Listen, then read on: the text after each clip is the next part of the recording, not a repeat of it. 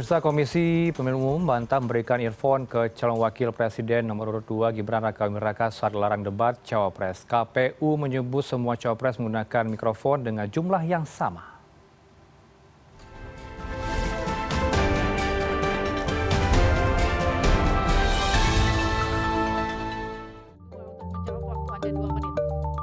Dalam pelaksanaan debat cawapres yang berlangsung pada Jumat 22 Desember lalu, calon wakil presiden nomor urut 2, Gibran Raka Buming Raka kembali mendapatkan sorotan atas gestur yang dilakukannya. Ia terlihat menunjukkan ajakan untuk bersorak ke pendukungnya pada salah satu sesi debat. Ketua KPU Hashim Asyari menyebut ini akan menjadi evaluasi untuk debat berikutnya. Pasalnya, Gibran juga menunjukkan gestur yang sama saat debat Capres 12 Desember lalu. Ya nanti kita ingatkan lagi, kita tegur lagi pada evaluasi uh, debat apa hasil debat yang kedua ini. Nanti kan pasti ada pertemuan lanjutan antara KPU dengan uh, tim pasangan calon dan masing-masing pasti akan mengajukan sejumlah catatan evaluasi dan nanti kan KPU akan mendengarkan dan kemudian akan mengambil keputusan eh, apa-apa yang perlu kita evaluasi termasuk memperingatkan kembali tampilan-tampilan yang uh, boleh dikatakan sudah disepakati untuk tidak dilakukan pada saat debat ya. Tentunya ini kan komitmen ya, komitmen antar uh, calon dan kami menganggap masing-masing calon kan orang yang secara politik sudah dewasa semua tentang apa yang sudah disepakati itu. Tidak hanya itu, dalam debat cawapres yang digelar pada 22 Desember lalu, Gibran juga sempat mendapat sorotan lantaran menggunakan tiga mic sekaligus. Mantan Menteri Pemuda dan Olahraga Roy Suryo juga menyatakan protes terhadap KPU melalui akun X-nya dengan mengatakan bahwa KPU harus adil karena menurutnya dari tiga kandidat hanya Gibran yang mengenakan tiga mic saat debat. Ia menyebut Gibran menggunakan tiga alat saat debat yakni clip-on, handheld, dan earphone. Ketua KPU Hashim Asyari menegaskan ketiga calon wakil presiden yang melangsungkan debat menggunakan mikrofon yang sama. Hashim menambahkan Terkait gestur ajakan bersorak yang dilakukan Gibran, KPU akan menegur serta mengevaluasi bersama para tim ses. Dikutip dari detik.com, Hashim menjawab kritik dari Roy Suryo dan mengatakan bahwa Roy Suryo hanyalah tukang fitnah. Hashim menekankan KPU siap bertanggung jawab jika ada kekeliruan. Sebelum itu, dia meminta publik menanyakan kepada stasiun TV penyelenggara maupun tim pasangan calon jika alat yang digunakan Gibran murni mikrofon.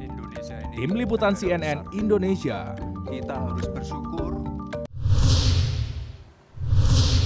Pemirsa media asing nyoroti penampilan Gibran Raka Buming Cawapres nomor urut 2 nilai menguasai dan juga mendominasi panggung debat Cawapres yang diselenggarakan oleh KPU pada 22 Desember silam. Tidak hanya soal performa yang apik, Gibran menjadi sorotan karena kontroversi trik yang digunakan untuk menjebak lawan debat dengan diksi asing dan singkatan yang sulit dipahami, mirip strategi yang digunakan oleh bapaknya Presiden Joko Widodo pada debat di Pilpres sebelumnya. Lantas bagaimana editorial CNN Indonesia melihat debat Cawapres pada Jumat pekan lalu? Bergabung bersama kami malam ini di Editorial View CNN Indonesia bersama Wakil Pemimpin Redaksi CNN Indonesia, Mas Revolusi Riza. Selamat malam, Mas Revo. Assalamualaikum. Selamat malam, Heranov. Waalaikumsalam. Ya, apresiasi tentu di, di sanjung-sanjung ke salah satu TV yang menggelar yaitu CNN ya, Mas uh, Revo. Bagaimana kemudian uh, publik menangkap debat kemarin? Apakah su sudah sesuai ekspektasi, sudah menangkap poin-poin penting gagasan dari masing-masing cawapres ini, Mas Revo? Ya, jika kita melihat debat yang berlangsung hari Jumat kemarin, debat kedua dalam rangkaian uh, pemilu 2024. Hmm. Kalau misalkan kita merujuk pada apa yang kita cermati di lapangan, sebenarnya kan ada uh, sebagian publik um, underestimate terhadap hmm. uh, penampilan uh, Gibran. Beberapa meragukan kemampuan calon wakil presiden nomor urut dua, hmm. Raka Buming Raka, dan bahkan di solo sejumlah mahasiswa menantang debat eh, gibran di depan eh, eh, rumah wali kota rumah jabatan wali kota hmm. nah di kantor wali kota sekali rumah wali kota ya ada ada ada perasaan perasaan ada estimate. Dan kemudian ketika gibran mengikuti debat malam harus diakui bahwa kita memberikan ya apresiasi karena gibran mampu menjawab ke penasarannya publik gitu ya. Gibran harus diakui menguasai panggung dengan sangat baik dan mendominasi bisa dikatakan mendominasi jalannya perdebatan. Beberapa kali juga cawapres nomor urut dua ini terlihat memberikan serangan-serangan kepada calon wakil presiden nomor urut satu dan juga calon wakil presiden nomor urut tiga. Dan tanpa dengan gestur yang cukup percaya diri misalnya gibran beberapa kali juga mendatangi keluar dari podium gitu ya. Kemudian mendatangi muhaymin iskandar maupun mahfud md pada waktu itu jadi overall sebenarnya memang gibran mampu menjawab underestimate nya publik gitu ya. Sebagian publik yang mengunderestimatekan dia gitu. Terlepas dari esensinya bahwa mungkin kalau secara esensi mungkin masih bisa diperdebatkan tapi yang jelas calon wakil presiden nomor urut dua ini terlihat cukup percaya diri ketika di panggung debat kedua pemilu dua ribu dua puluh empat kemarin ya Rano. Kemudian juga ada kritik dari kubunya Ganjar Mahfud nih Mas Revo soal yang tadi Mas Revo katakan Gibran sempat keluar dari podium mendekati lawannya itu Mahfud MD dan juga Caimin. Apakah ini tidak melanggar ya dari aturan KPU saat debat? Secara teknis memang karena kita juga mengikuti karena kita adalah salah satu mitra KPU ya dalam konsorsium media penyelenggara debat kedua kemarin Heranov dan ketika technical meeting maupun pembahasan tata tertib tidak kan harus selalu berada di podium. Jadi kalau dikatakan melanggar, mungkin ini masih debatable. Aturan-aturannya yang jelas kemarin kita sendiri yang mengikuti technical meeting dan briefing tidak ada larangan seperti itu. Itu kenapa kemudian moderator memang tidak melakukan larang. Dan apa yang dilakukan Gibran sebenarnya kan juga bukan hal baru dalam debat presiden, calon calon presiden di Amerika Serikat misalnya, beberapa kali juga calon kandidat yang berdebat melakukan hal yang sama. Seingat saya, Al Gore pernah melakukan hal ini ketika mendekati pada waktu itu, kalau saya tidak salah ingat kepada Josh Bush pada waktu itu, yang menjadi lawan debatnya. Jadi artinya memang ini merupakan salah satu dalam psikologi politik memang merupakan salah satu upaya untuk mendominasi dan memberikan tekanan kepada lawan politiknya gitu ya ketika dia datang dan itu yang dilakukan oleh Gibran Jumat malam kemarin gitu. Nah, kalaupun misalkan ini nanti harus dibakukan, misalkan setiap kandidat harus ada di podiumnya, tidak tidak boleh meninggal, meninggalkan atau keluar dari zona demarkasinya misalnya, maka itu harus diatur oleh kpu dalam debat debat selanjutnya. Tapi saya pikir memang kemarin ada rasa percaya diri yang cukup dari gibran sehingga dia juga berani untuk mendekati kandidat lawan politiknya gitu ya bisa dikatakan rivalnya gitu. Yang relatif sebenarnya secara usia jauh lebih senior dibanding Gibran Raka Buming Raka. Baik. Kemudian yang ramai diperbincangkan publik di media sosial, Mas Revo, kita tahu dari Gibran soal istilah SGIE, kemudian carbon capture. Apakah ini menjadi trik tersendiri bagi seorang Gibran meniru gaya bapaknya untuk memakai istilah diksi asing, istilah yang sulit dipahami oleh publik dan juga lawannya? Hal semacam ini tentu bukan sebuah ketidaksengajaan ya. Hmm. Saya pikir ini pasti adalah sebuah strategi yang sejak awal sudah dirumuskan oleh tim ses gibran gitu ya sekaligus juga mungkin oleh gibran sendiri gitu. Dan ini juga pernah dilakukan oleh pada waktu itu jokowi ketika menjadi incumbent dalam berdebat ya bertanya tentang tpid dan unicorn kepada lawan debatnya yang pada waktu itu adalah prabowo subianto. Dan di debat kemarin gibran melakukan yang sama persis gitu ya mempertanya tentang SDIE kemudian carbon storage dan lain sebagainya. Hal yang kata kalimat yang relatif mungkin tidak common atau tidak jamak di publik pada saat ini. Walaupun memang istilah istilah tersebut sudah ada untuk istilah karbon storage karbon rate misalnya yang dipakai oleh gibran gitu ya.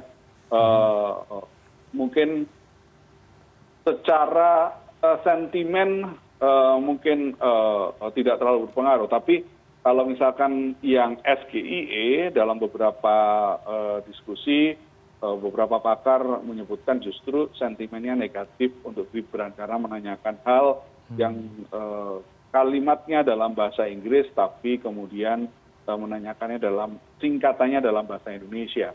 Dan itu relatif kata kata yang dipakai tidak umum untuk masyarakat luas walaupun mungkin bagi bagi bagi kelompok ekonomi syariah itu adalah hal yang yang common. Tapi untuk masyarakat umum kan tidak common. Dan ketika gibran menanyakan itu tanpa memberikan konteks di analisa analisa media sosial itu memberikan sentimen yang negatif. Baik. Nah, saya pikir memang hal-hal seperti itu ketika nanti juga merupakan evaluasi juga dalam perhelatan debat ketika seorang kandidat menanyakan hal yang tidak common apakah perlu kemudian moderator mengingatkan untuk memberikan konteks atau memang ya sudah pertanyaannya diperkenankan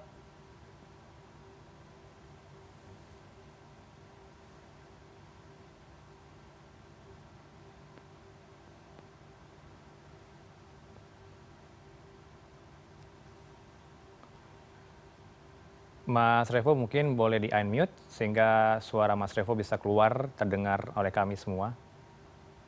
Mas Revo, Mas Revo tadi sempat menyinggung soal uh, bagaimana kemudian trik yang digunakan oleh Gibran uh, saat menggunakan istilah asing dan juga diksi yang sulit untuk, untuk dipahami oleh masing-masing lawannya. Kemudian uh, sebagai closing statement, Mas Revo kita minta dari CNN Indonesia bagaimana kemudian evaluasi ke depan untuk debat kemarin apakah sudah memenuhi ekspektasi publik?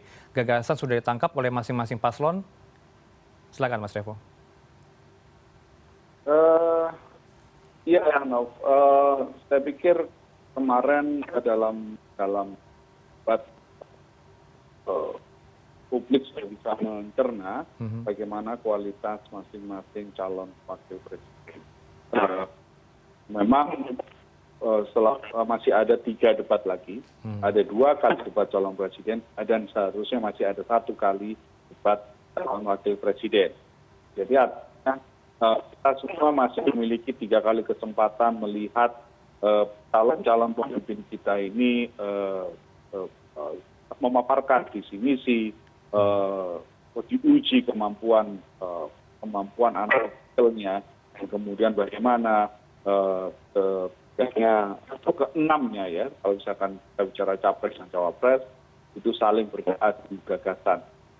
Nah, sebagian orang sebenarnya melihat bahwa apakah debat ini berpengaruh atau tidak.